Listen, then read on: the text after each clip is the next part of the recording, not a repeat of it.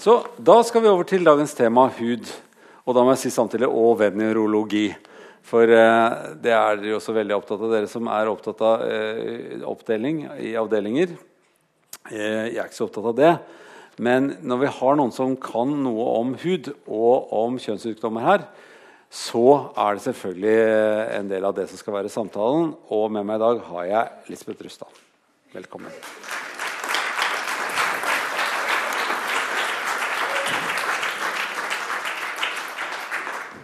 Vi snakket veldig tidlig om at, eh,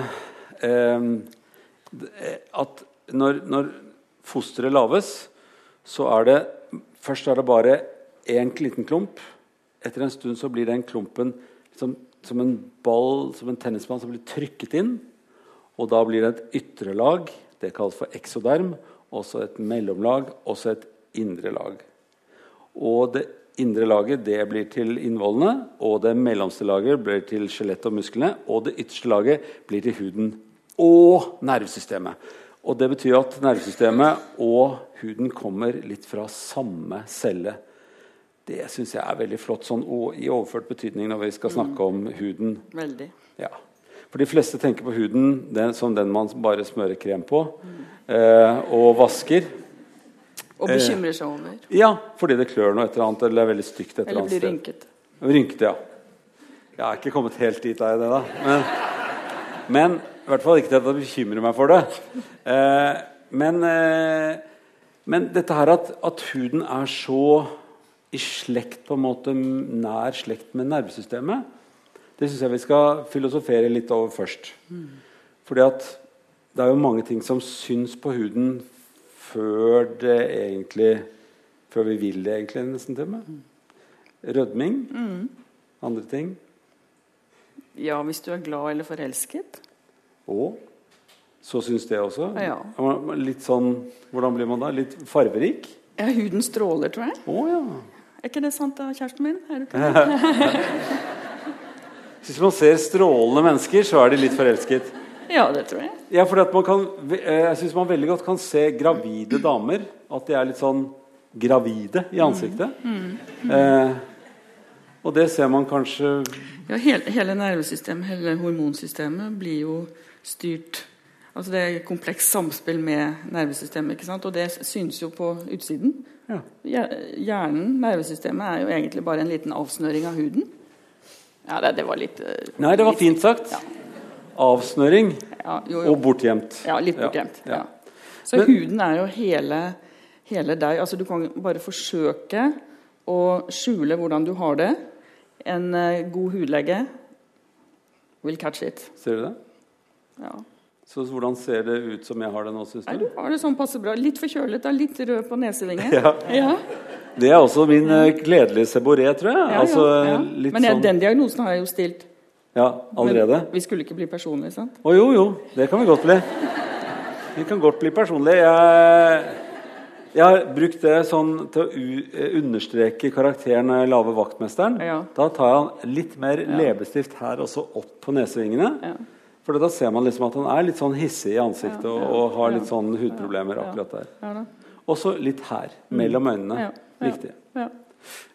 Er du sånn som sier ja hele tiden når du, du bare ja. nikker til pasienten? Ja. Veldig fint. Veldig opptatt av å lytte. Ja. Noe annet som syns veldig godt på huden, som man ikke bare ser, det er jo alle Som min gamle dermatolog kalte duftene. Han var så opptatt av duftene som alle menneskene kom med. Det er jo signaler som vi sender ut også. Mm. Mm. Er det Tror du at det er sånn at folk plukker kjæresten sin fra om han eller hun lukter godt? Både ja og nei. Fordi at Det vi holder på med nå i våre dager, det er jo det at vi forsøker å, å vaske vekk alle de naturlige luktene som kroppen lager.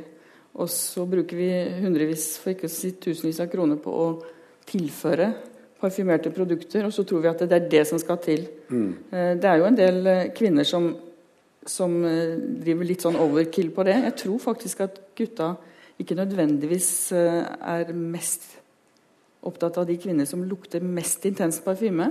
Men jeg er det... veldig opptatt av de som lukter mest intenst. De holder jeg meg langt unna. Ikke sant? Ja. Men hvis du kan tenke deg den litt eplekjekke jenten frisk og rød i kinnene.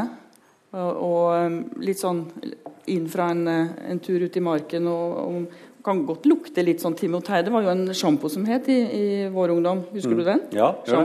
Timotei, det, det, var den eneste sjampoen. Ja, den, den var jo den som var faktisk uh, litt sånn Den var litt pirrende, ikke sant? for den viste en ung jente i en blomstereng med litt sånn tynn, hvit blondekjole. Ja. Og så fint, blondt, krøllete hår. Ja. Og så var det Timotei. Og da, altså du, den lukten glemmer du aldri hvis du først har vært borti den. Nei. Ja, men man husker jo veldig godt også folk som ikke nødvendigvis lukter vondt sånn uh, fordi de er skitne, men det er noen som Jeg har i hvert fall vært borti noen damer som ikke lukter sånn som jeg passer til. Ja, ja. Som lukter liksom en ting jeg ikke har lyst til å dele seng med. Ja. det tror jeg er rett. Og, og, noe av det er nok naturlig, og så kan det være noe av det som er en blanding. At vi har tilført litt og, og sånn. Men det er nok eh, sånn at, uh, at luktene våre er forskjellige fra naturens side. Og vi er kanskje for lite opptatt av det. Og det betyr jo også noe om Det sier noe om hva du spiser, gjør det ikke det? Det kan det gjøre. Så, altså det, jeg har hørt at noen afrikanere sier at vi her i Norden lukter ganske mye ku. Altså at vi lukter melk. Litt sur melk, egentlig. Kan det stemme? Ja, det, det har ikke jeg tenkt på. Men jeg syns jo at de i Afrika lukter veldig afrikanere. Ja. Og ofte veldig sterke sånn Afrikanere, ja. Sterke afrikanere. Ja, også, og jeg skal ikke si noe stygt om afrikanere. Nei, det tror jeg ikke For de kan være veldig sterke både ja, i lukt og i kropp. Altså. Nei, men altså For ikke å tøyse dette bort, det er jo mm. klart at uh, svettekjertler Vi har jo fullt av kjertler i, i, på hudoverflaten. De uh, hjelper oss bl.a. med å, å avgi lukt. Duft. Duft. Duft. Du, og de lave problemer.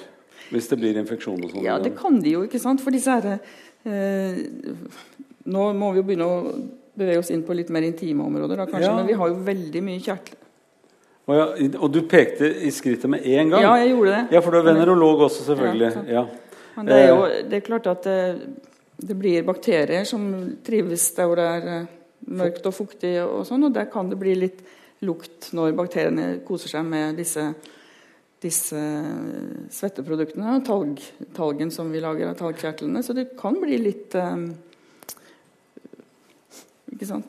Kraftig lukt? Ja, noen ganger så blir det det. Og noe av det vi spiser, kan eh, øke luktene våre. Og noe av dette her blir til problemer. Jeg sa at jeg hadde litt sånn seboré sånn rundt mm. nesa, noen sånne mm. ting jeg får lyst til å ta bort. Mm. Eh, og det er tallkjertlene som laver for mye, eller er det huden eller altså, overhuden, eller hva er det? Hva er det? Ja, tallkjertlene er jo på de stedene på kroppen hvor vi har hår. Ja. Noen av oss. Ja, jeg har ikke så mye der.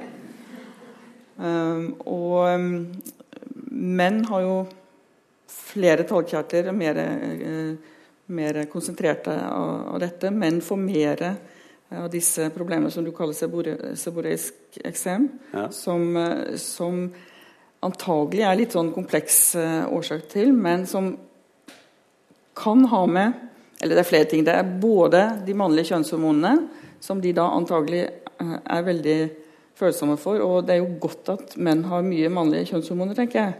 Ja. Men så er det også en liten sopp i huden som alle mennesker har, men som noen da antagelig reagerer litt allergisk på. Mm. Hvis vi kan bruke det populære uttrykket. Altså ja. Det blir litt sånn at man reagerer litt merkelig på det, og så blir det rødt, og så blir det irritert, og så flasser det, og så kan det klø litt. Og så ser du litt stressa ut. Ja. Hvis du har lagt merke til litt stressa menn på bussen, hvis du tar bussen Ja. ja de har den der. Ja. Ikke sant? Og så litt der. Så kanskje flere menn har akkurat i den trekanten hvor nesa er plassert? Ja, det er mye talkjertler i ansiktet. vet du. Ja. Mm. For det skal smøres og bli herlige dufter. Ikke bare dufte. Hadde vi ikke hatt talgkjertlene, så hadde vi jo Altså, det gjør at huden kjennes myk. Mm. Ja. Glatt og fin. Og får så lyst til å ta på. Ja. Vær så god. Ja. Det satt for langt unna meg, jeg. ja, Men, Og det kompenserer man da ved å ha masse kremer. Kremprodukter. Det er jo vår tids du sa, vaske bort og kline på seg noe nytt. Ja. Vi driver jo litt sånn erstatningspraksis, og det, det holder jo hele kosmetikkindustrien i gang. da. Det gjorde det. Ja. Nå har det blitt vanlig at menn også gjør det, Ja. men menn bruker foreløpig ikke noe særlig sminke. Nei. Men alt, det, vi må se et par ting om alt det damer putter på seg. Jeg har jo sett damer som er sparklet før de er over, overbeiset med et eller annet spesielt. Som har altså noe som dekkbeis først, som, som tetter huden, og så ser litt sånn hvittaktig ut. Og så har de noe annet oppå der. Så har de fjernet en del av, av brynene. Eh, og, og, og så tegner de opp ekstra utenfor munnen. Ja.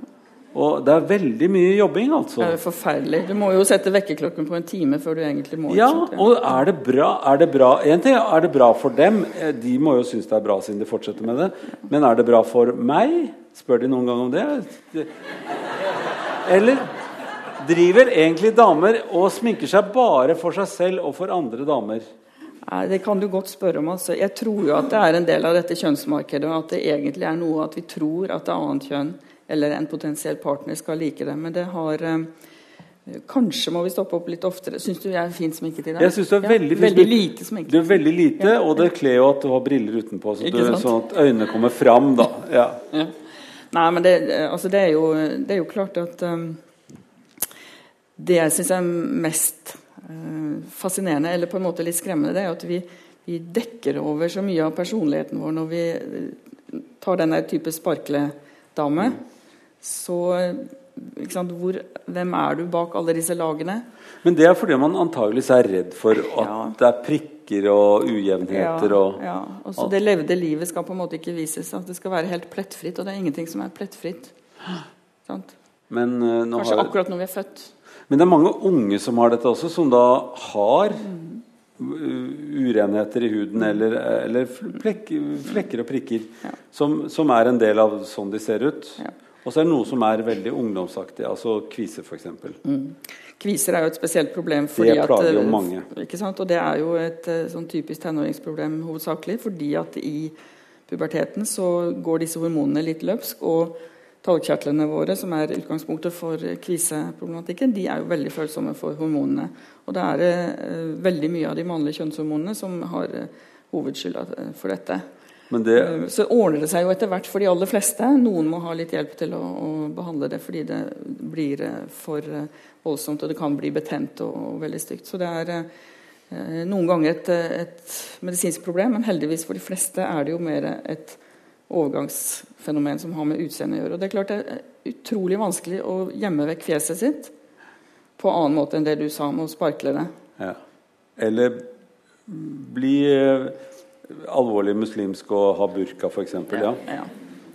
Da var det ikke så mye latter, merker jeg. nei, Nei, det, det var feil. det var feil. Eh, men eh, jeg stopper litt opp ved kvise, fordi at eh, jeg, jeg leste i var det i går at uh, Tine Ting Helseth hun måtte avlyse en konsert, for hun har fått en kvise på leppa som gjør at hun kan ikke spille den trompeten sin så fint lenger, så hun måtte, måtte avlyse konserten. Så det kan være veldig alvorlig. Ja, og da er det jo nesten en yrkessykdom. selvfølgelig. Ja. Da, da har hun jo rett på fri legehjelp og alt mulig. Har hun det? Ja, Ja. Yrkessykdom. vet. Og eget, eget publikum neste gang også, kanskje. Helt sikkert. Helt sikkert. Uh, men, uh, men det med kvise kan jo være veldig forstyrrende for unge mennesker fordi at de syns de ikke er noe pene en stund. Eh, er det et større problem som for jenter enn for gutter som kommer til deg? Eller er det sånn likt? Nei, jeg tror nok eh, kjønnsfordelingen er nok ikke så veldig forskjellig. Men, eh, men jeg tror vel kanskje at jentene muligens oppsøker først Altså tidligere hjelp for å få et eller annet. Er det lurt da å dekke det til med sminke? Eh, Vi anbefaler jo generelt ikke at de skal bruke veldig mye sminke, for det tetter jo ofte til eh, porene og, og utgangs, utførselsgangene på talgkjertlene, og da blir det jo ofte verre. Så generelt så sier vi at man skal være litt forsiktig med sminke. Men er, Går det greit an å, å behandle det? Fins det trøst? I, Ja da, det finnes jo mange typer behandling. Det som er, er kanskje problemet med, med tenåringene, det er at det er de som får den farlige formen for kvise, skal vi si, da, som blir sånn skikkelig byller og betente, de må jo ha en spesialistbehandling. Og der ser vi noen ganger at uh, tenåringsgutter uh, kommer litt seint. Det er jo dumt når det finnes effektiv behandling mot det. Så er det dumt at de kommer for seint til lege. Og det kan ha med det å gjøre at Jeg vet ikke, det kan du svare på som er gutt. Mm. Gutter er kanskje litt reddere for å gå til lege enn jenter. Jeg vet ikke. Det tror jeg nok, men jeg tror også godt gutter syns at det er greit. Ikke, ikke så farlig, liksom. Nei. Men jeg tror at hvis du har svære byller i hele ansiktet og hele ryggen og brystet fylt av, fullt av byller som verker og som renner puss, og som faktisk gjør at du kan bli allment sjuk, så, så er det klart Nå hørtes det ikke så hyggelig ut lenger. Er Eh, Men hvis du har en kvise eller et arr, så er ikke det Gutter reagerer Nei. ikke så sterkt på det. Nei. Jenter står og tytter på det og setter på noe stift og noe greier. Ja da. Nei, det er klart at uh, vi jenter har jo eh, fått det mye mer innprentet tidlig fra at vi skal se plettfrie ut. Og Mm. kanskje ikke så viktig for guttene. Men jeg vet ikke, det er vel i ferd med å, å bli litt viktigere for gutter òg.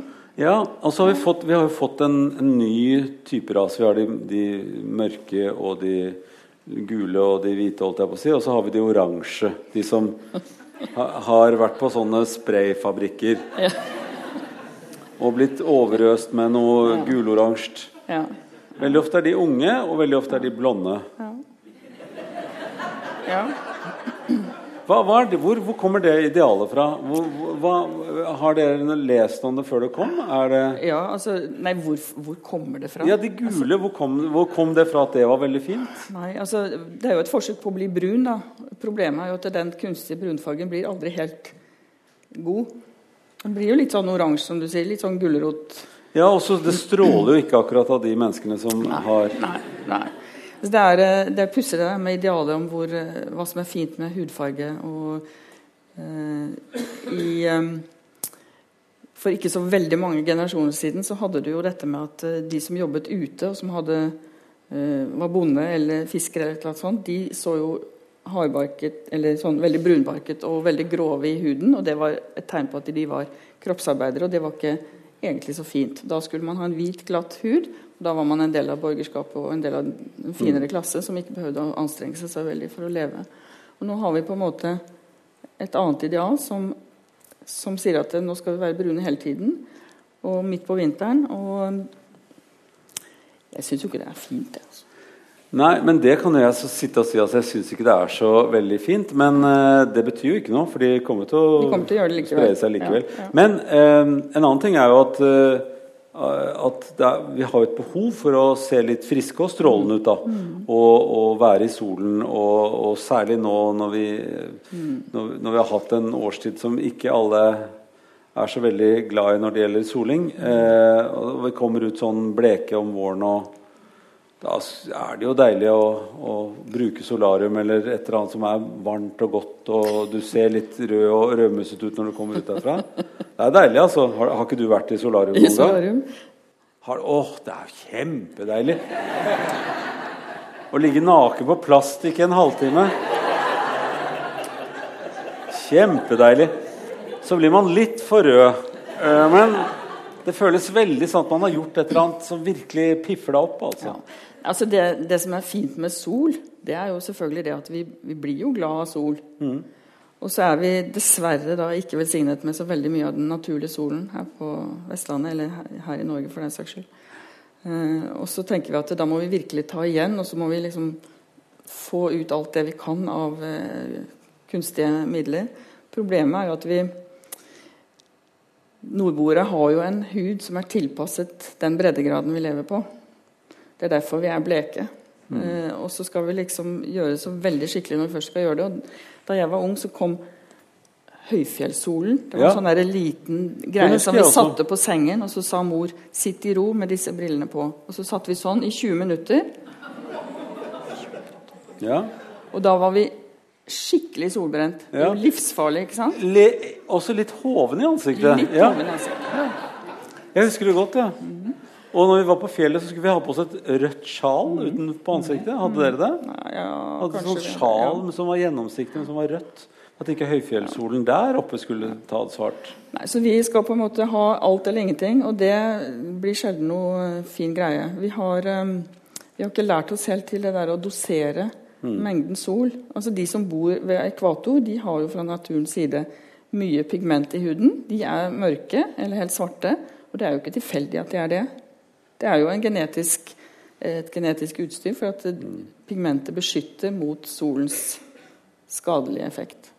Så det vi gjør når vi tar masse solarium og får solbrenning, eller reiser til Syden uten å tenke på at vi er kritthvite etter en lang vinter, så ber vi om problemer. Da får vi solskadet hud som den klarer å reparere seg selv. Den har veldig stor evne til å reparere seg selv, men blir det mange nok sånne skader, så får vi et problem. Og det er jo det vi ser nå i våre dager. Vi skal si noe om det også, ikke sant? Ja, sier men- sier det nå? Ja, vi sier det akkurat nå. Ja, ja, Rett og slett. Vi, vi har stadig mer hudkreft. Ja. Eh, og det er jo et, en effekt av vår vår Men er det livsstil. særlig vi bleikinger som har hudkreft? Er det, er det vi her oppe som har utstyrt oss med denne huden og tilpasset oss, som får kreft? Det, det er eh, Norge som ligger faktisk på europatoppen i eh, kreftforekomst. Når vi snakker om den farligste formen, nemlig føflekkreften, så ligger vi veldig veldig høyt oppe. Ikke ir irlandsfolket, hva heter Ja, irere? de- Ir- ja, eh, jo, de ligger nok et godt stykke oppe også, men vi har, de har nok kanskje klart å, å Eller muligens har det med det å gjøre at de ikke oppsøker solen så mye. Vi har altfor god økonomi i Norge. vet du. Vi har Ja. så veldig god råd til å reise og oppsøke solen. Men hvis du ser på Australia, så har de eh, eh, i flere år vært bevisst på at de har en befolkning som har mye rødt hår og lys hud. De er jo basert på straffanger fra 1700-tallet som ble deportert til Australia. ikke sant? Veldig mange i Australia har den lyse, eh, veldig veldig lett solbrente huden. Og de har vært i verdenstoppen på hudkreft. Men de har tatt konsekvensen av det, så de lærer opp befolkningen sin helt fra barnsben av til å beskytte seg mot solen. Hva er det man skal se på når man skal se om man har en krefting, hvis man kan se på den? Altså Man har den på ryggen, så er det ikke så lett å se en flekk. Men det er i utgangspunktet en føflekk, ikke sant? Og det er ikke en vorte. Altså Vi må jo si at det er forskjell på vorter, Ja, eh, alt som stikker seg ut av huden. Ja.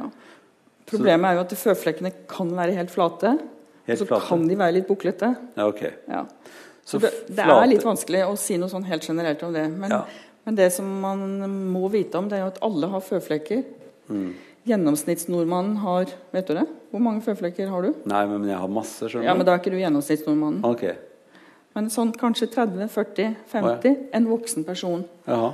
Og alle de føflekkene har du jo fått opp gjennom oppveksten og ung voksen alder. Du har ikke føflekker når du er nyfødt. Oh. Veldig, veldig sjelden. Og så kommer de. Og så har du dem. Og så tenker du at ok, sånn ser ni, føflekkene mine ser sånn ut. Ja, men de er nå litt forskjellig størrelse. og litt sånn, De ser nå helt koselige ut. Du må bli litt, litt venn med dem. Men så plutselig så dukker det opp en som ser litt annerledes ut. Og som begynner å vokse litt, og så blir den helt, helt annerledes på, på, både på størrelse og farge. Og oppfører seg litt rart. Kanskje han begynner å klø litt og sånn. Da skal du reagere. Mm. Da er det det som hudlegene kaller for den stygge andungen. Altså det er det en som skiller seg ut i, i Ja. flokken. på en måte. For Du kan ikke begynne å operere vekk 40 føflekker vet du, for å være sikker på at det Hvis du skulle ta bort alle føflekkene mine som er på kroppen, da tror jeg jeg ble litt trang i huden. Ja, jeg tror også. Ja.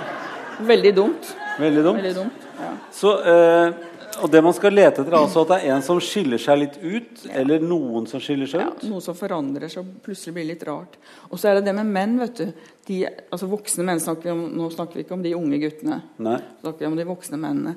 De har generelt skepsis for å gå til lege. Men du skal høre på koner som sier du, eh, Den flekken du har på ryggen din der, den syns jeg er litt rar. Mm. Mellom skulderbladene. Du har hatt en føflekk der lenge, men nå er den jo blitt veldig, veldig rar. Mm. Så sier hun det er sikkert ingenting. Og så Og da det kan man si ja, det er sikkert ingenting, men vær så snill å gå og sjekke det. Ja, og så går det en måned. Har du vært og sjekket den? Ja. Nei, ja, ja, jeg har ikke tid til å gå til fastlegen. Det er så vanskelig å få time. Og så går det en måned til, og så går det kanskje tre måneder til. Og så muligens, når konen har mast i fire måneder, så får han time. Og da har det kanskje utviklet seg til noe mer. Og ofte så ser vi det at eh, de føflekkene vi da fjerner, noen ganger er de da blitt så tjukke, og det betyr noe for hvor farlig farlige de er. Altså Hvis du fjerner en føflekk når den er veldig tynn og liten, så går det bra. Veldig mange av disse mennene som ikke går og sjekker det der, de, de gjør jo det, og det bør jeg kanskje si, de gjør det veldig ofte fordi de er litt redd for hva de, er, de skal gjøre med den. Gjør man noe vondt med den? Er det, er det, er det vondt? En Veldig føflekk? Ja, er det vondt å ta den bort? Nei. Nei. det, altså du må sette litt bedøvelse. Mm. En liten sånn, eh, Omtrent som tannlegen, bare at det er i huden. Det gjør vondt i tre sekunder, og så kjenner du ikke noe mer. Så det er lokalt og en liten ting, og man tar den bort, og så er man heldig man kom tidlig. I motsatt fall så er dette en galopperende, ganske skummel kreftform. Ja, så eh, Føflekkreft kan være det. Hvis du kommer litt seint til, så, så er det en av de eh, sykdommene som kan spre seg til alle organer og kan føre til en for tidlig død. Fordi at det er faktisk eh, en del eh, mennesker i sin beste alder som det heter, som får det. Mm. Så man skal ikke gå og lure på en føflekk. Da skal man heller gå en gang for mye til doktor. Ja. Mm. Du sa den kan klø litt, men det er mye annet som kan klø på huden også. Ja, Det er det som er vanskelig. Ja. Det er hudens måte å fortelle et eller annet på, at den klør. Svir eller klør. Ja. Men eh, klø Jeg har lest at eh, kløe, det visste du hva det kom av? Eh, på norrønt heter det klådi. Det er rett og slett Det kommer av klo. Altså at man får lyst til å skrape med en klo. Men jeg tenker altså at det er det samme ord som å klå på, Ja, eh, som også er en slags kløe. ja. Og det er, noen, det er noen nyanser der. Ja, Da er det vel den andre som klør, egentlig. Eh, Ja, men- etter den søte kløe kommer den Den sure- sure svie. Ja. Og da er vi nede i de nedre regionene. nedre regionen, ja. Ja, for da har du, da har du klødd for mye. Ja. Men eh, kan vi ta eh, ting, ting som da er på huden og kommer og går, eh, eh, som klør? Fordi at noen får jo det som heter på, eh, på folkemunne elveblest. Det klør jo forferdelig. Og det høres ut som det er at man har vært i nærheten av en elv som har snudd seg, eller noe sånt, og derfor har man fått et, et, et skummelt blest fra en eller annen alf. Du vet ikke hva elveblest betyr, du? Nei. Nei. Er noen, det er noen i salen som vet det? Nei, men det, Nei. du vet det helt ja, sikkert. Ja, vet du hva det betyr? Nei. Det kommer fra dansk og betyr altså elv Altså det er en alv. Ja. Eh, Alf, Ja. heter, alv heter det på Som har blåst litt på Som det. har blåst på deg. Ja, det er det jeg sa. Ja. Og så har elven snudd, og så har det Men det er, blåst ikke en, det er ikke en elv, altså. Det er en Nei. alv. Ja, det er Så, så det er litt overjordisk. Ja, det er det jeg tenker. Og det er litt overjordisk. Men Ja. det er, eh, og det er jo litt uforklarlig også, ofte. Ofte er det det, Ja. men, eh, men vi har jo en del metoder til å finne ut av det. da. Så hvis du har eh, altså En av de vanligste årsakene til elveblest det er jo faktisk infeksjoner, virusinfeksjoner, som gjør at immunforsvaret i kroppen reagerer, og mer da en sånn type eh, kjemiske stoffer som går ut i huden og skaper en veldig kløe. Sånn eh, ofte veldig akutt. Um, så har du også eh, Men eh, Nå sa du virusinfeksjoner generelt, men altså det kan være sånn omgangssyketing? En som- god del virusinfeksjoner kan Ja. gi, gi, hudreaksjoner i form av en sånn Men så stressting kan det være? Og Ja, Det kan det stressutløst, Ja, liksom? men ofte er det jo andre ting i tillegg. Og medisiner faktisk Ja. er en viktig årsak til det. Veldig mange medisiner kan gi bivirkning i form av en sånn reaksjon. Så man skal bare sjekke ut en liste hvis Sjekke man får liste. Og det begynner litt sånn, sånn småklø, og så kan det bli til og med litt sånn vablete og ekkelt. kan det ikke det? Det kan det. Jeg husker at jeg har hatt det, og da så jeg jo ikke ut Man ser seg i speilet en dag og tenker Oi, jeg blir en varulv. Det er veldig For det er veldig gru... Man klør Ja, seg på halsen og alt. ja. Men det som er rart med, med elveblest, det er jo at den, selv om den klør i nett, forbasket en, intenst, så gir den jo Du får ikke kloremerker når du klør på den. Nei. Hvis du tenker på andre hudsykdommer som klør, så kan du se at det klør, for det blir masse kloremerker. Det er interessant. Ja. Det håper jeg ikke at du spør meg mer om, for det er det ingen som skjønner Nei, hvorfor det er sånn. Da spør jeg ikke det om det, men det er kanskje alfen som Ja, gjør at det ikke ja, ja. vet. Men uh, det er jo veldig lett å medisinere mot, da. For å få ned den, den reaksjonen. Ja da, det finnes effektive medisiner, men det som er, eh, er vanskelig noen ganger, for, eh, i hvert fall for hudlegene, da er det jo fastlegene som har det enda verre, for de ser det jo først. Så hva er dette? Det eneste, eneste folk er interessert i, en pasient er interessert i, hva er dette? Hjelp meg med dette. Du må si hva det er, hvorfor har jeg fått det, og hvordan kan jeg få det vekk. Og Noen ganger så vet vi jo ikke hvorfor det er kommet, og vi vet heller ikke hvordan vi skal få det vekk, men vi prøver, og så virker det jo i noen tilfeller. Mm. Og det er jo fint. Da blir de glad i oss. Ja. Ja. Ja, ja for, for, hudlegene får du ofte litt senere. Ikke sant? For da har de prøvd noe ja. først. Så da blir det enda verre for oss. Oh, Hvis ikke vi har noe annet fint. Ah. Men for at En hudlege jeg eh, kjente godt, han sa at det som er problemet med, med ting på huden, er at ofte kommer pasienten for tidlig. For det liksom er blitt et ordentlig utslett, så man kan se hva det er for noe. Ja, det er helt sant. Men eh, på den annen side så kan det jo være fint at det er litt venteliste for å komme til hudlegen. For veldig mange ting de forsvinner jo, og da er problemet løst. Ja. Og noen pasienter blir så glad når de endelig har fått time, så de kommer for å fortelle at de hadde et så forferdelig utslett, men nå er det borte. Se hvor fin jeg er. Ja. Det er veldig fint. Ja, det var en flott konsultasjon. Ja, ja. ja, men det er så fint, ikke sant? for da føler du på en måte at du har litt av æren for det. Ja. ja får latt dem vente i tre måneder. ikke sant? Ja. Det som kaltes for ekspektasjon, at man bare rett og slett sitter og venter. Eh, flott. I gamle dager vet du, så hadde man bestemødre og eh, eldre slektninger som hadde sett det meste av utslett. Og da var de en del av behandlingen, nemlig den beroligende behandlingen som sa at dette går helt sikkert over, og hvis det ikke går over, så har vi sikkert noe vi kan finne på. I dag har vi ikke den muligheten, så i dag skal alle til spesialist før det er gått en uke. Og da mm. er det som du sier, ofte veldig vanskelig å vite ja. om det blir noe alvorlig, eller om det bare er en bagatell som går over. Men eh, alt som klør på huden er altså Hvis vi tar barna først, så er det disse barnesykdommene som er røde prikker og, og feber. ikke sant? Ja. Det er jo standard. Alle barnefamilier har vært gjennom det der. der. Eh, og så ligner det på, på, andre utslett, og alt ser liksom litt prikket ut og rødt ut. og alt sånt nå. Eh, eh, hva pleier du å si til barn som har utslett, at gå til fastleken din? For uh, dette er helt sikkert en barnesykdom.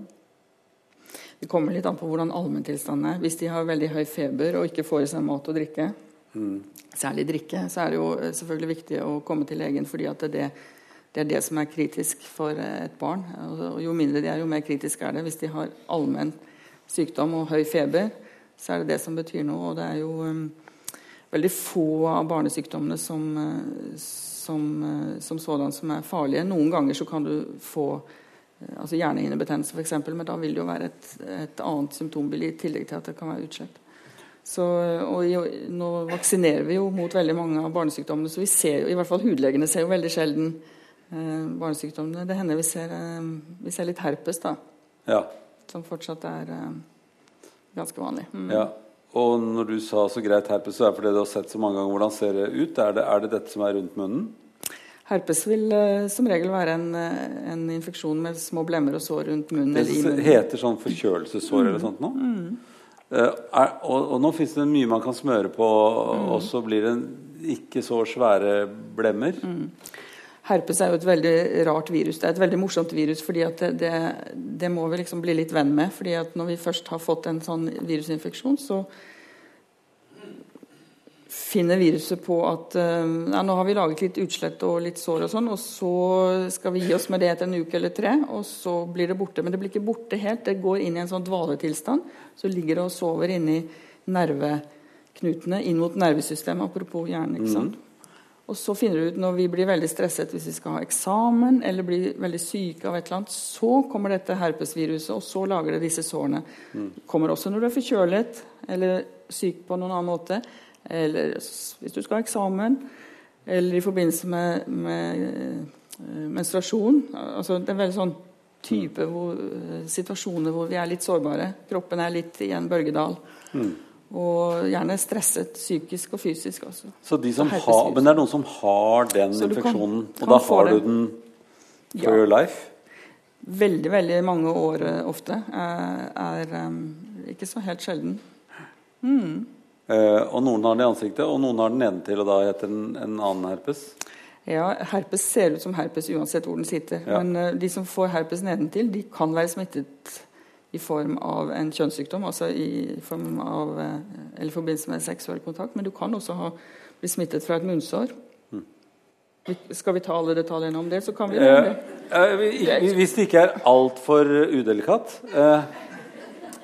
Er, det, er det mindreårige her? Nei. Nei, nei det, var ikke, det, var ikke, var ikke, så ille jeg mente. Jeg bare tenkte så Vi kan ikke gå altfor alt langt inn i det. Altså, nei, nei, nei. Siden du sa at virus er et veldig morsomt virus. Eh, altså Herpes er et morsomt virus. Eh, et annet morsomt virus er jo eh, et, et som lager sånn ikke, ikke Elve Blest, men Helvetes ild. Det er vel sikkert noen hekser eller alfer som har satt i gang det også. Eh, det er noe som virkelig plager noen. Det er vondt. Ja, det er, Det er skikkelig vondt. Det er kanskje sånn som helvetesild kjennes ut. Jeg tror det. jeg tror det. Og, og det verste er jo at eh, det viruset det er jo en nær slektning av herpesviruset. Ja. Ja. Men det, altså det må jeg også si for da, de som ikke har det eller har sett det, at det er et eller annet som kommer Ofte langs et ribben. Mm. ofte, og så, og så kan det da sitte der og brenne, men det kan være mye verre enn bare å være akkurat der som en strek som brenner, liksom. Ja, det, det er jo en typisk sånn nervesmerte. eh, Veldig brennende og stikkende smerte som, eh, som eh, både kommer før selve utslettet, og som kan vare i uker og måneder etterpå. Så det kan være veldig plagsomt. Mm. Mm. er det mest eldre folk som får det, eller? Ja, Det er hyppigere i eldrebefolkningen. Er det ofte de som har herpes fra før av, som får det? Altså, det er jo det samme viruset som gir vannkopper. Ja. Og veldig mange har jo hatt vannkopper som barn, så dette er jo, fordi det er en veldig nær slektskap med herpesviruset, så er det også samme type reaksjon. Altså det reaktiveres. Men hvorfor det kommer akkurat hos deg og ikke hos meg, altså det, det er ikke alltid vi vet hvorfor det gjør det. Men de fleste har jo hatt vannkopper. Mm, og veldig få egentlig får helvetesild. Ja. Ja, heldigvis. Oi, det er mye som kan gå galt, altså. Ja, det er det. Er, er det noe gøyere vi kan snakke Ja, om? vi kan, vi kan snakke om uh, Gard Støre. For han er en fyr som har satt eh, virkelig et ansikt på å ha sånne hvite flekker på kroppen. et ansikt, ja. Ja. Ja, ja. Han, han også eh, Michael Jackson, hvis, hvis han nå hadde det eh, Han hadde jo så mye rart etter hvert at eh, de hvite flekkene han hadde, er vi ikke så veldig opptatt av. Nei. Han hadde veldig god sangstemme, f.eks. Men, eh, men, men Gahr Støre har liksom tenkt at han har sånn Pigment, vitiligo eller sånn pigmentutfall. ja, pigmentutfall. vitiligo eller, eller manglende pigment. Og det er Det regnes jo som en såkalt autoimmun sykdom. Altså det er rett og slett kroppen selv som eh, spiser opp pigmentet i huden. Og hvorfor det skjer hos noen, det er sannelig ikke så lett å vite. Men det ser ut som det går litt i i um, slekt. Altså at det er litt assosiert med andre typer sykdommer som kan være litt arvelig belastning på. Så han har vel um, kanskje noen i familien som har noe i samme gaten. Men er, er det det motsatte av, for å ta, pense litt bort fra eh, Gahr Støre, er det, er det det motsatte av det å ha føflekker? Er det altså å ha hvitflekker, på en måte? Er det Nei, Føflekker er jo pigmentceller som ligger i eh, sånne ansamlinger i huden. Eh, mens eh, det pigmentet som vi snakker om nå, det er det som ligger i den øverste delen av huden som et sånn beskyttelseslag. Og, mm. og eh, er jo for så vidt genetisk bestemt. Vi har jo veldig mye mindre av det pigmentet enn de som bor lenger mot ekvator. Og de som får vitiligo, som er afrikanere f.eks., de blir jo veldig, veldig syke på en måte, for de får jo en, en veldig veldig sårbar hud. Her eh, hos oss blir det jo eh, et problem hvis vi eh, har en som mister mye pigment på synlige steder, som blir veldig veldig solfølsom. Det er jo det største problemet. i for, tillegg til blir rett og slett flekksolbrent? ja, du, Ja. Du, du mister helt beskyttelsespigmentet, og da eh, får du et stort problem med sol. Å være ute, rett og slett, hvis det er sol. Så hopper tilbake igjen til disse barna eh, så, og, og, og Uga Buga, som er litt alfer og sånt noe. Så, eh, så er det jo noen som også tror at man får eh, eh, vorter eh, hvis eh, hvis man er små. Hvis, man får, hvis man er li, liten og får vorter, så skal man legge noe under puten eller gå et par ganger rundt sengen eller altså gjøre et eller annet merkelig Ja. Og da skal de er det noen tråd? Man skal knytte en tråd rundt Ja, ja. og fleskesvor og sånn. Fleskesvor. Alt det der er stort sett tull, er det ikke det? Jo da. Ja. Fordi at dette er, jo- er det virus, dette også? Ja. Vortevirus. Vortevirus. Vortevirus, våre venner vortene, altså de er eh, rundt oss og på oss og med oss store deler av livet. Så det er bare å Det er liksom bare å, å gi det et ansikt. Altså vi, vi har alle vortevirus, garantert. Ja. Jeg tror ikke du kan peke på mange i salen som ikke har hatt vorter på fingrene som barn. De, ja, for det går stort sett borte. Det, det ble Ja. borte, det. Så jeg hadde Ja. på, på fingrene også da jeg var barn. Også på føttene, da. Ja. Ja. Jeg skal fortelle at jeg eh, det var en lege som jeg gikk til med en vorte som jeg hadde veldig midt på en pekefinger. eller noe sånt nå. Og der eh, ble jeg sendt til Radiumhospitalet og fikk bestrålt den vorten. Det var i slutten av 50-årene. Da tror jeg også man hadde tyggegummi med radium i. Altså det var veldig mye rart på den tiden som man trodde var kjempefint. Ja det er helt sant. Eh, Man var nok litt aggressiv, kan man si. På den måten. Det som er spesielt med vortevirus, det er jo at de er selvbegrensende i, i en hud eller i en person som har en eh, ellers eh, god helse og ikke lider av noen spesielle sykdommer, så vil en vortevirus forsvinne. eh, uten at du gjør noe spesielt med det. Så, Men bare gjemmer de seg? altså Kroppens eget immunsystem spiser dem opp, på en måte. Og Ja, vorten eller virusen? Nei, ja, viruset er årsaken til at du får den vorteveksten. Ja, Men blir viruset borte, eller gjemmer det seg sånn som herpes? Nei, nei det blir som regel herpes, borte. ja. Altså, du, får, um, du får det vekk. Det er jo veldig sjelden at du, du ser barn som fortsetter å ha vorter opp gjennom voksen Mm. alder. Ikke sant? De er der eh, kanskje et par år, eller noe sånt, og så forsvinner de. Eh, og så lærte jeg på hudkurset at man skulle helst, eh, hvis man hadde vorter som var veldig plagsomme, særlig på føtter, så skulle man fryse på dem. Ja. Da, da la vi en sånne korn jeg var Men nå er det jo sånne frysemaskiner. Ja, flytende nitrogen. Ja. Ja, Det er bare vondt noen dager. Altså, problemet med behandling av vorter er jo at behandlingen ofte er mye verre enn vortene. Ja. Ja. Og Der tenker jeg man må inngå en slags kontrakt med deg eller den personen som er pasient. Og Si at Hva er verst for deg? Er det å gå med denne vorten og tenke at det eh, tar et år, eller noe sånt? Eller er det å få en masse problemer med den behandlingen jeg skal gi deg? Og noen eh, velger jo da behandlingen fordi at eh, kanskje gjør det at vorten blir litt mindre litt fortere. Kanskje. ja. Og blitt helt borte. Eh, jeg har også fått fryst bort en vorte. Det var eh, jævlig vondt. Det er veldig vondt. Eh, ikke med en gang. Det ble vondt etterpå. Og så var det vondt tre dager, og så ble den helt borte. Altså. Ja, ja det var veldig fint. Ja da, Altså. ja da. Det Veldig, Så hvis du syns at det er greit å lide litt for eh, skjønnheten, på en måte, så gjør vi jo det. Ja, det var ikke det bare ikke- skjønne, det var veldig upraktisk å ha den akkurat der. sant? Det kommer litt an på hvor den sitter. Eh, Ja. Ja. Da vi, nå syns du jeg har fortalt mye om meg selv, altså. Ja, du har det. La oss ta dette med sopp samtidig. For dette er noe som plager mange. Altså Hudsopp og fotsopp og sånt noe, det, er jo, det tjener man jo masse på at folk driver og behandler. behandler. Hadde de så mye sopp før?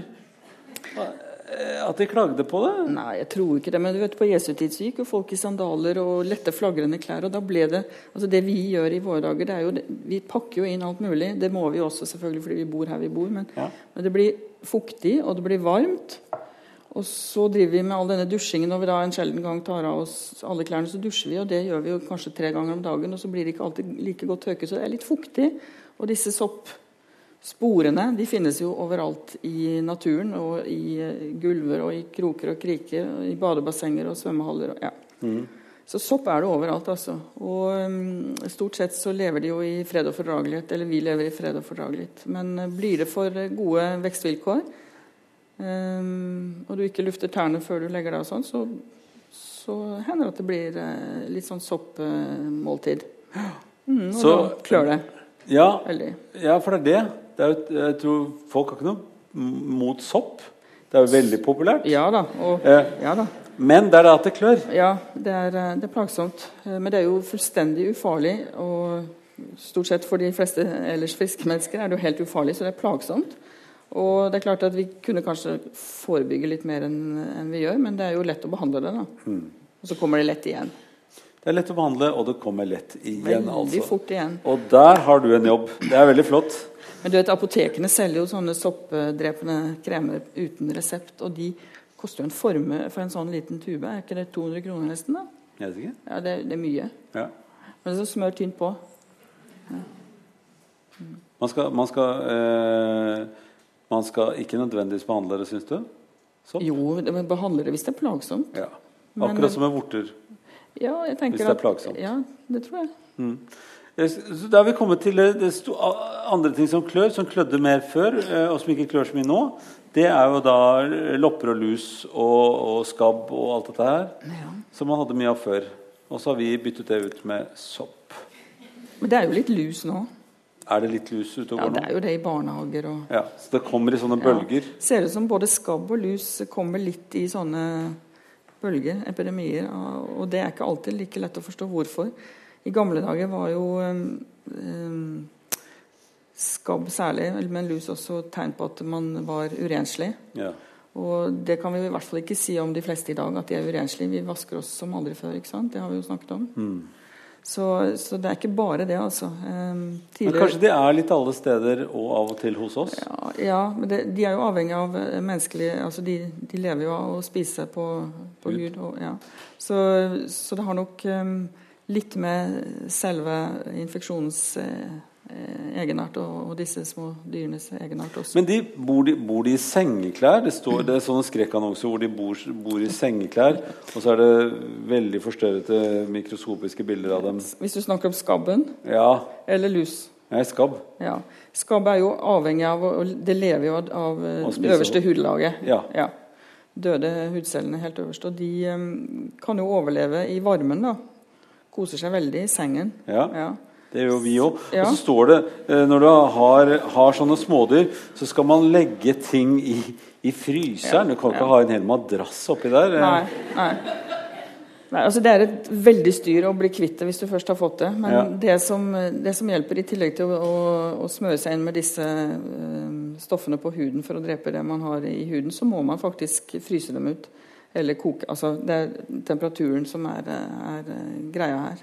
Så hvis du har en Du må i hvert fall lufte og få det veldig kjølig på soverommet for å få drept disse krypene. Det er en følelse at de bare legger seg litt og dvaler, dvaler litt. Grann, ja. Nei, altså putter du det i fryseren, men da skal du ha en stor fryser. Da, hvis Ja. du skal ha hele madrassen. Ja. Har du sånn to meter madrass, så sliter du litt. Ja, ganger 1,20. Det det er mye jobb. Ja, det, Og sengetøy ja, for hele familien. ja, Da skal du ha svær fryser! ja, ja.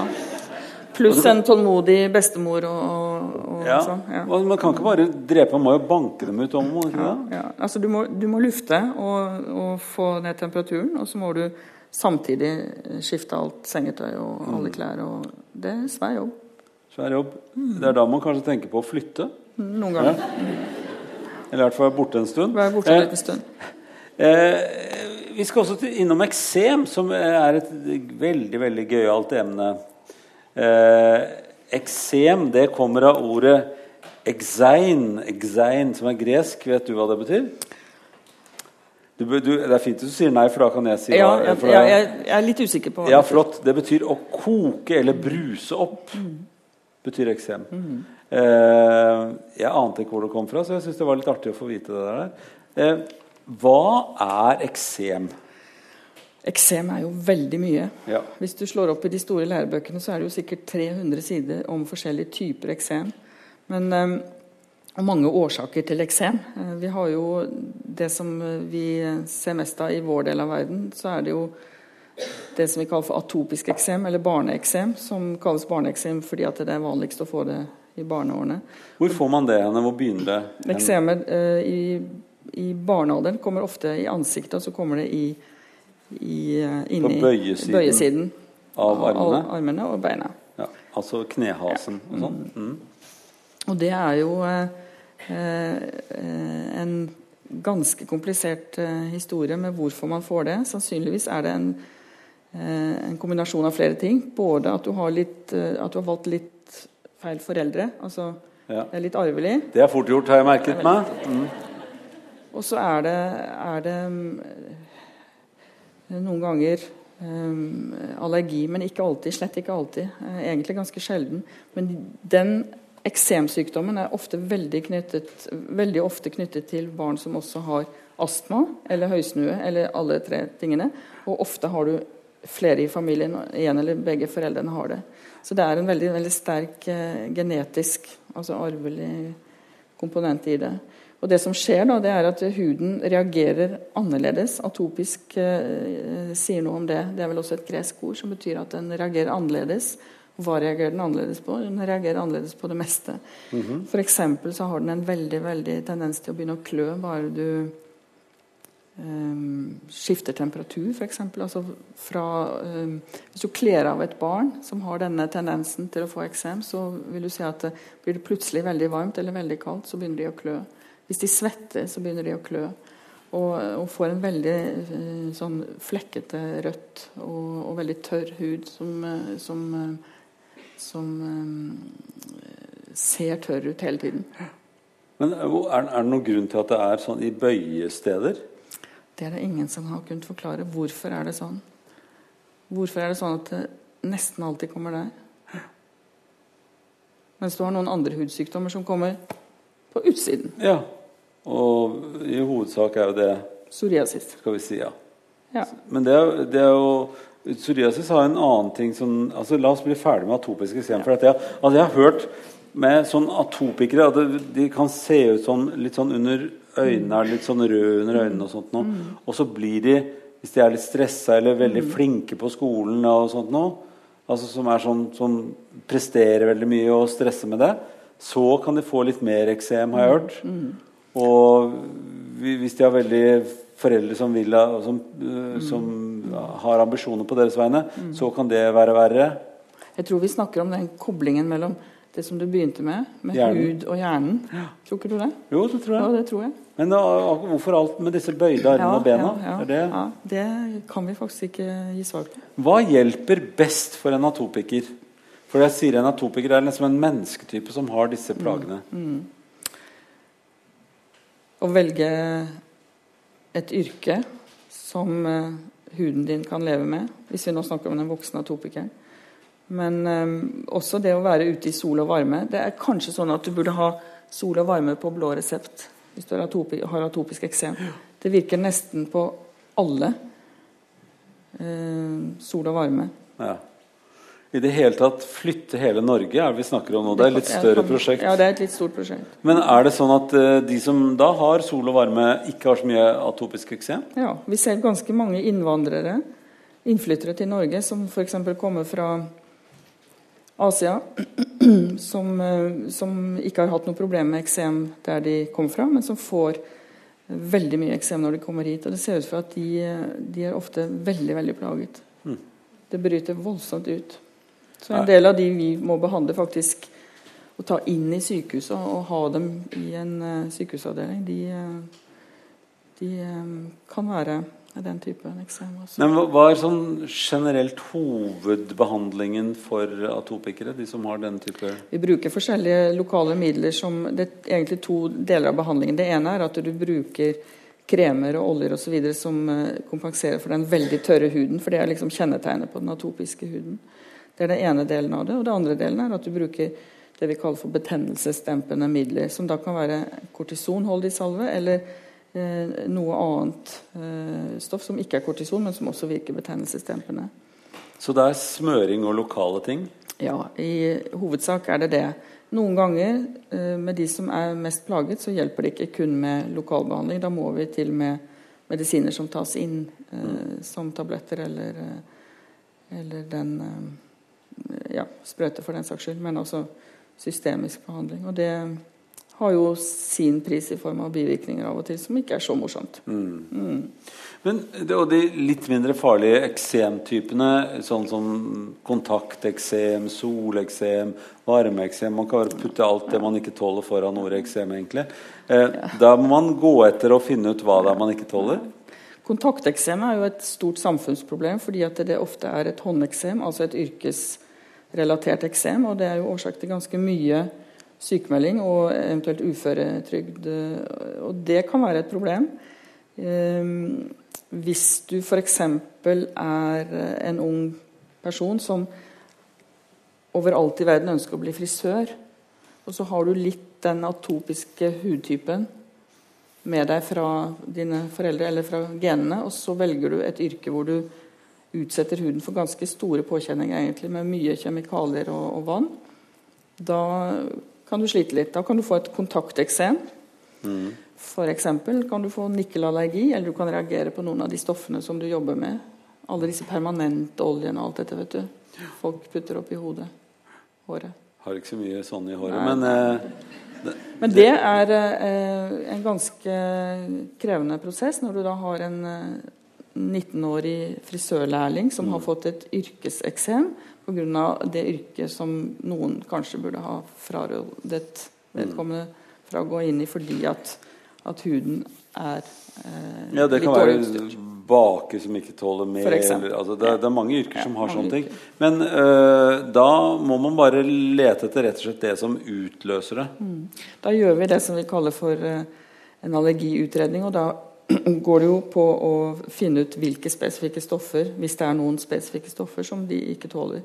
Det går an å ha en, en kontaktallergi som skyldes at du vasker deg for mye. Det er jo for så vidt en enkel sak, men du må jo da også utelukke om det er spesifikke stoffer som du, som du reagerer allergisk på. For en sånn kontaktallergi vil du ha med deg hele livet.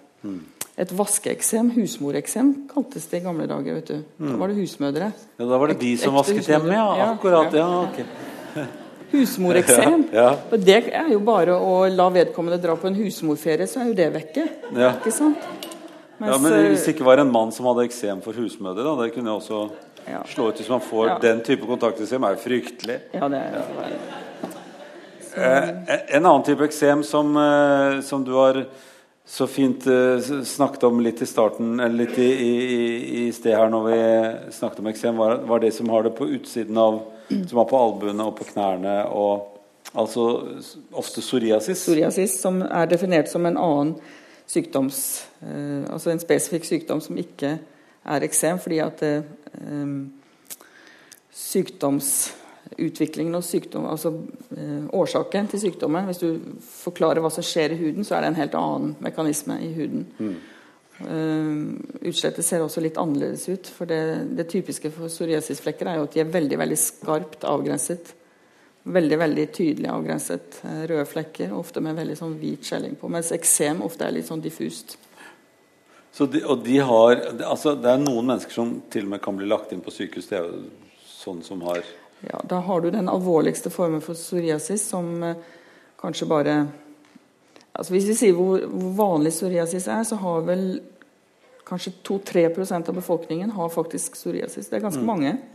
De fleste har det som veldig liten eh, plage, men det kan være ganske kronisk. F.eks. en flekk på et kne eller på en albu, eller og, eh, utslett i hodebunnen. Ja, Men det kan holde seg bare der. Og det kan være sånn okay. litt plagsomt av og til, og litt kjedelig hvis du har på deg findressen til konfirmasjon og sånn. Det flasser litt av det og sånn. Ja. Ja.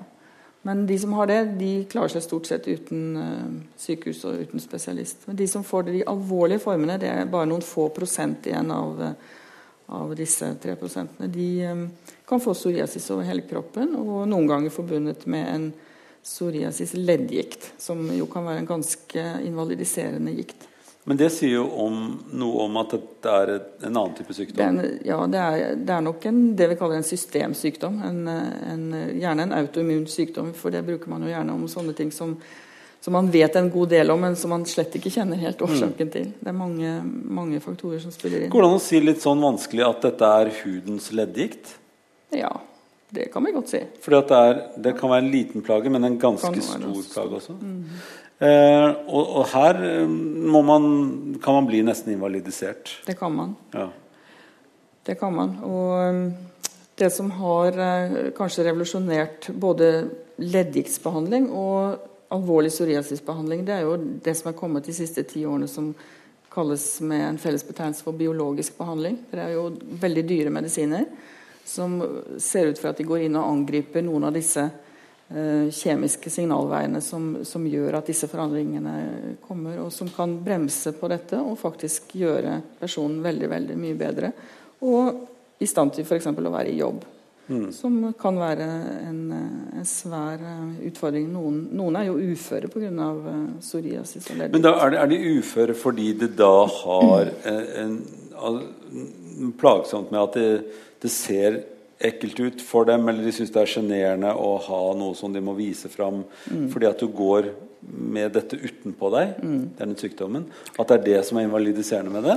Ja, hvis du har så store deler av kroppen dekket av utslett som, eh, som er rødt, og som klør, og som flasser, Og som på de, på de, stedene som vi ikke skulle snakke så mye om, men som er litt i nedre regioner, som gjør at du sliter fælt med å gå på do, f.eks. For eksempel, fordi at det blir sårt og vondt og klør, mm. og væsker renner av det, altså. Så sliter du. Med å, og hvis du har dette på hendene eller i ansiktet og har et yrke med menneskekontakt, så sliter du veldig. Så det, det sier noe om at vi er veldig avhengig av den, at huden vår er kontakten med andre mennesker? Ja. Absolutt. Det er, eh, det er vår, eh, vårt ankerfeste til resten av verden, det. Huden. Så det krever jo at, at hvis man skal eh, eh, skal være i kontakt med folk som har psoriasis, så må man nesten jobbe med den barrieren. Jeg tror det. Så Bør man være åpen hvis man har psoriasis? da? Så, ja. det, så folk skjønner at det er det det er? Det, det, som kan være vanskelig med psoriasis, det er at det relativt sjelden totalt sett eh, sitter på, i ansiktet. Det kan sitte på hendene, men det er ikke det vanligste. Så det er klart at veldig mange med alvorlig hudsykdom som psoriasis har ikke nødvendigvis eh, Det er ikke sånn at de tar av seg og så viser de fram, men du ser ikke så veldig ofte at de har de minste bikiniene på badestranden, kanskje. Det er en barriere å ta av seg. Samtidig som du vet at solen også virker veldig bra på utslettet deres. Mm. Men, eh, men, eh, å være åpen om det det er klart, eh, Vi har kanskje kommet litt lenger i, i våre dager, men alt som ser stygt og rødt ut, hvis du sitter på synlige steder, så reagerer vi jo litt på det. Mm. det er, vel, er, det smittsomt? Mm. Det er kanskje ofte en reaksjon folk har. Ja, og det må vi si at det er det ikke. Det er det ikke. Nei. Absolutt ikke. Ja. Eh, eh, vi må innom noen smittsomme ting. Vi har vært litt på virus. Skal vi ta hele kjønnsområdet nå i en jafs på slutten? Sånn folk som må kaste opp, rekker å gå til toalettet. Fordi at, eh, eh, Hva er det hotteste når det gjelder kjønnssykdommer for tiden? Hva er litt om det, man, det er lekkerbisken av, av kjønnssykdommer? Du mener det vi snakker om i lunsjpausen? Ja, ja. Hva er, det, hva er det dere snakker om da? Jeg er litt usikker på om jeg skal fortelle er det her. er syfilis på vei tilbake? Ja, at liksom ja, det er noe som Ja, det er, det. Altså. Ja, er det det? Ja, det er faktisk det. Og det hadde man jo ikke trodd. vet du, ikke sant? For syflis, det var jo, syfilis er jo årsaken til at det er blitt noe som heter hud, hudleger. Ja, det, det visste jeg. Det, det visste du fordi at jeg fortalte deg det? Ja, for du fortalte meg det. Jeg bør ikke alltid si hvorfor jeg vet det. Nei. For 100 år siden, eller vel det, 120 år siden, så, så var det faktisk disse doktorene som ble syfilitologer. Mm. For syfilis er en bakteriesykdom som smitter ved kjønnslig omgang. Helt ja. klart. Du får ikke den eh, ved å holde i hånden. Nei. Nei. Og den eh, er det noen som mener at vi fikk med oss fra Columbus sin tur til Amerika. ikke sant? Ja. Og siden har den vært i Europa. Og så har det vært litt, eh, litt epidemier og sånn. Og så kom penicillinet på sånn midten av forrige århundre, eller litt før ja, rundt 1940. Mm. Og så fikk man jo hjelp for det. Og så tenkte man nå har man klart det. Men, eh, men, det kommer sånne epidemier eh, innimellom. Og nå de siste ti årene kanskje, så har det vært syflisepidemier også i vår del av verden. Og det er ofte ført inn i spesielle grupper av befolkningen. Ja. Ofte i grupper som har en veldig aktiv seksuell atferd. Som homofile menn særlig. da. Som, som noen ganger da også smitter kvinner. Så vi har sett en del syfilis faktisk i de siste årene. Du hører den setningen der stemte ikke helt. Det er ikke homofile menn som av og til smitter kvinner. Jo, fordi at det, Jo, jo, jo. Ja, så er gøyale folk. Ja, jeg vet hva jeg sier. Ja, ja. Det er noen som kjører i begge filer. Ja, akkurat. Og noen mot rødt lys. Ja, ja men altså Ja. Mm. Det gjør det. Det var veldig understatement. Veldig, veldig. Eh, så, så, syfilis er hot fordi at det kommer tilbake igjen? Eh, gonoré er det liksom altså Problemet med ja, både syfilis og gonoré For det som er gærent nå, det er det at eh, hvis vi har for lite av en ting, så er det sånn at legene, de vi driver og utdanner, de lærer jo ikke om det. ikke sant? Mm. Så når du eller noen kommer til en lege og så har de et eller annet helt uforklarlig, mm. så hadde det vært for 100 år siden, så hadde legen sagt ja, men dette er jo syfilis. Ja. Men i våre dager så er det ingen som tenker på syfilis. Nei, Jeg ser ikke utslett engang. Jo, men altså, utslett er jo utslett. Jeg mener. Ja, det er prikker. Prikker er jo prikker, ja. Ja. Ost er ost, ikke sant, som de sier på reklamen. Ja. Ja, og akkurat de to ordene merker jeg at de hørte ikke så godt sammen akkurat nå. Eh, ah, det ble et dårlig bilde. Eh, Der datt han ut, gitt. ja. Men, og det er kanskje derfor de ikke hadde så mye ost igjen nede. Eh, Ja, ja, ja.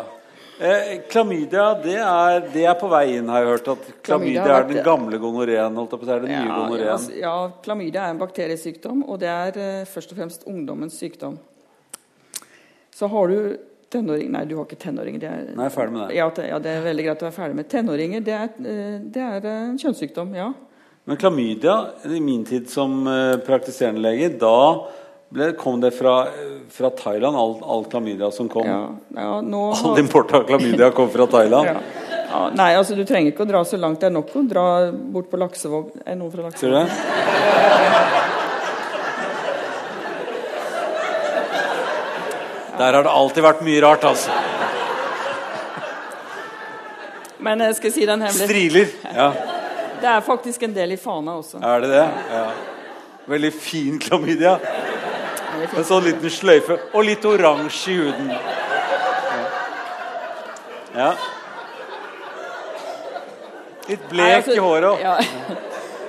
Det som, det som er greia med klamydia, ikke sant? den Ja. gjør ikke forskjell på, på kong Salomo og Jørgen Hattemaker. Nei, Og ikke fruen deres heller. Nei. Nei, men for å være helt ærlig, Det som er problemet, er jo Mm. at gonoré det var jo den sykdommen som virkelig svei så det holdt. Mm. Det var jo en sur en. ikke sant? En skikkelig dryppert. Alle som er mer enn 40 år, vet jo hva vi snakker om nå. Mm. Altså Ikke fordi de har hatt det, men fordi de har hørt om det.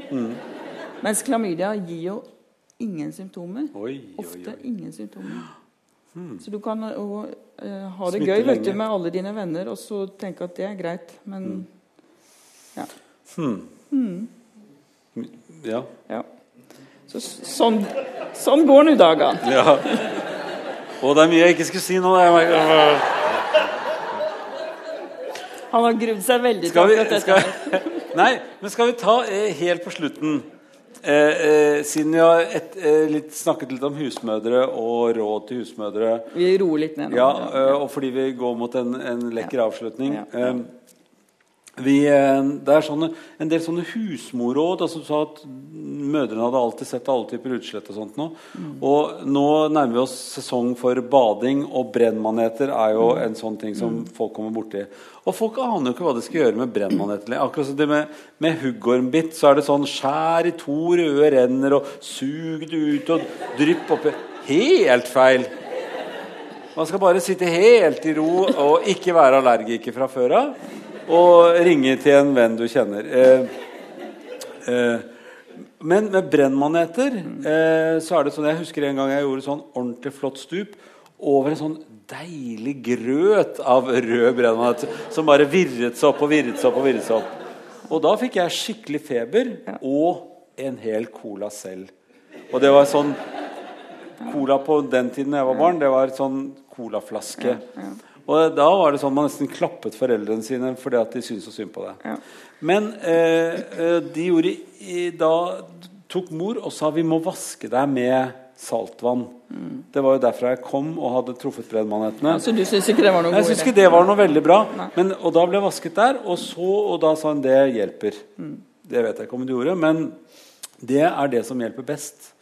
Hør, har jeg lest nå? Det er vaske med saltvann. Og For, først ta bort brødmaneten. Eh, vaske med saltvann, og så eh, ta på litt eddik. Altså ta på, på hvit eddik, altså sterk sånn vindusvaskereddik. Eh, eh, fordi at det skal da hindre de cellene som nei, de, de eh, Hva heter det for noe? De der som Trådene?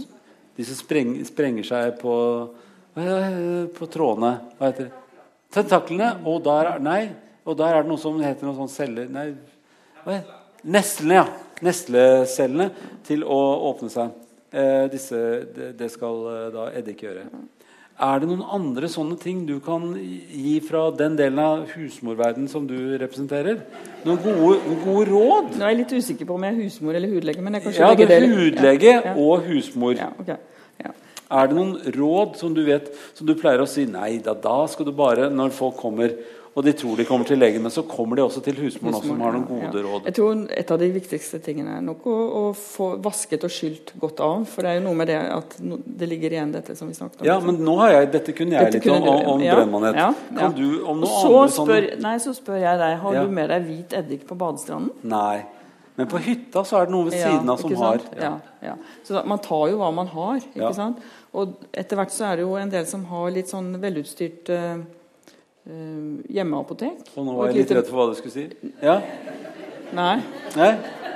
Jo, for jeg har hørt at man skal tisse på, Å, ja, på nei. brennmat. Ja, nei. Som har Ja. noen velutstyrte som kan Jo, tisse jo. litt på. Ja. Men det finnes jo eh, bedøvende salsylokain og andre typer sånne bedøvende ting som man kan få kjøpt, og, og alt funker jo. ikke sant? Det er bare det Poenget er at du, du må skylle av, vaske av, og så ha på det du har for hånden. Ja. Har du en kortisonsalve eller krem, så vil jo det også eh, dempe det. ikke sant? Men er det, er det det samme du sier for, øh, for solbrenthet og sånt nå også? Ja. Smør på det du har? Ja, altså Er du skikkelig solbrent, så må du jo ofte til med en skikkelig kortisonsalve. Ja. Ja. For der hadde jeg en bestemor som sa 'smør på meierismør'. vet du. Det er bare tull. Er det ikke det? Ja, ja, det, er for, det er jo veldig dyrt, da. Ja. Det også, ikke sant? Også det gode smøret. Nei, jeg ville ja. Nei, jeg har ikke prøvd det, egentlig. Smør Men er, går det an bare å, å være hyggelig med folk og smøre på et eller annet? Er det det som er utgangspunktet for all denne smøringen i hudlandskapet? Ja, nå er du inne på dette med, med hva vi gjør når vi tar på hverandre. Ja, Det er det du er inne Ja. på nå, ikke sant? jo. Ja. Er det husmorråd? Ta på hverandre, smør på et eller annet, samme hva du har. Eh, Ja, nei, ikke, helt, ikke helt sånn, samme hva du har. Men jeg tror nok at det å ta på hverandre er noe av det viktigste vi kan holde på med. Altså, hvorfor har vi ellers huden, da? fordi vi har hjernen. Ja. Og hjernen sier at mennesker vil ha kontakt med omverdenen og med andre mennesker. Ikke? Så sagt man ikke har kontakteksem. Ja. Jeg, jeg hadde så lyst til at jeg skulle bare avslutte med den der fjollete, eh, fjollete avrundingen her, for vi har holdt på så kjempelenge, for det er så gøy. Eh, og tusen takk for at eh, dere var sammen med oss, og tusen takk for at du var sammen med meg.